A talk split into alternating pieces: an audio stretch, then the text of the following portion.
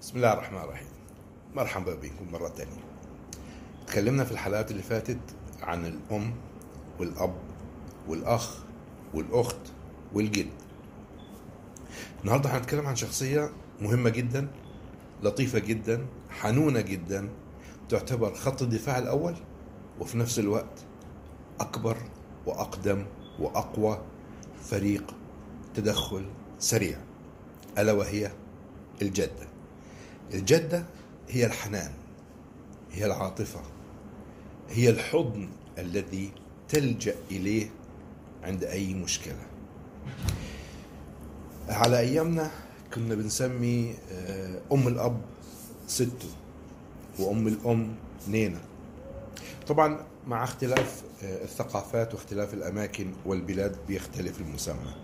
معظم الناس النهاردة بيسموهم سواء أم الأم أو أم الأب تيتا. تيتا هي اللي واحد بيلجأ لها لما يكون عايز حاجة والأب والأم مش عايزين ينفذوها. التيتا هي الحصن الحصين والقلعة المنيعة اللي بيلجأ لها أي حد لما يعمل حاجة وحشة وبيلاحق من قبل. أي حد أكبر منه سواء الأم الأب أو الإخوات. التيتا أو الجدة بركة. وسعادة. و بتطفو أو يعني بتضفي على البيت نوع من الهدوء والاستقرار والوئام وهي حلقة الوصل وهي حلقة الترابط في العائلة.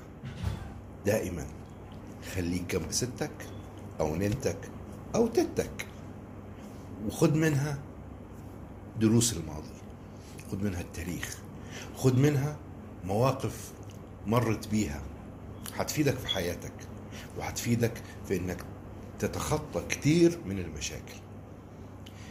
يا جماعة الجد والجدة مش زيادة عدد. الجد والجدة تاريخ أصول جذور للعائلة. اهتموا بيهم واستفيدوا منهم حبوهم كلموهم لعبوهم اقعدوا معاهم كتير هتستفيدوا كتير. ومحدش هيقدر يديك الاستفادة اللي هتاخدها منهم قدهم ربنا يبارك لكم في أعماركم وفي آبائكم وأمهاتكم وأخواتكم وجدودكم. الجدود بركة في البيت. دمتم مبتسمين. بسم الله الرحمن الرحيم. مرحبا بكم مرة تانية. تكلمنا في الحلقات اللي فاتت عن الأم والأب والأخ والأخت والجد. النهارده هنتكلم عن شخصية مهمة جدا لطيفة جدا حنونة جدا تعتبر خط الدفاع الأول وفي نفس الوقت أكبر وأقدم وأقوى فريق تدخل سريع ألا وهي الجدة. الجدة هي الحنان هي العاطفة هي الحضن الذي تلجأ إليه عند أي مشكلة. على أيامنا كنا بنسمي آه، أم الأب ستو وأم الأم نينا طبعا مع اختلاف آه، الثقافات واختلاف الأماكن والبلاد بيختلف المسمى. معظم الناس النهاردة بيسموهم سواء أم الأم أو أم الأب تيتا. تيتا هي اللي واحد بيلجأ لها لما يكون عايز حاجة والأب والأم مش عايزين ينفذوها. التيتا هي الحصن الحصين والقلعة المنيعة اللي بيلجأ لها أي حد لما يعمل حاجة وحشة وبيلاحق من قبل. أي حد أكبر منه سواء الأم الأب أو الإخوات. التيتا أو الجدة بركة وسعادة.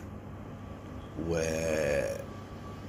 بتطفو أو يعني بتضفي على البيت نوع من الهدوء والاستقرار والوئام وهي حلقة الوصل وهي حلقة الترابط في العائلة.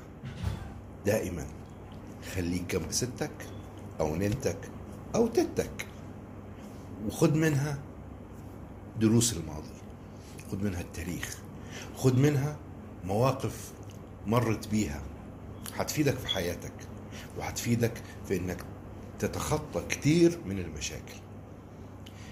يا جماعة الجد والجدة مش زيادة عدد. الجد والجدة تاريخ أصول جذور للعائلة. اهتموا بيهم واستفيدوا منهم حبوهم كلموهم لعبوهم اقعدوا معاهم كتير هتستفيدوا كتير. ومحدش هيقدر يديك الاستفادة اللي هتاخدها منهم قدهم.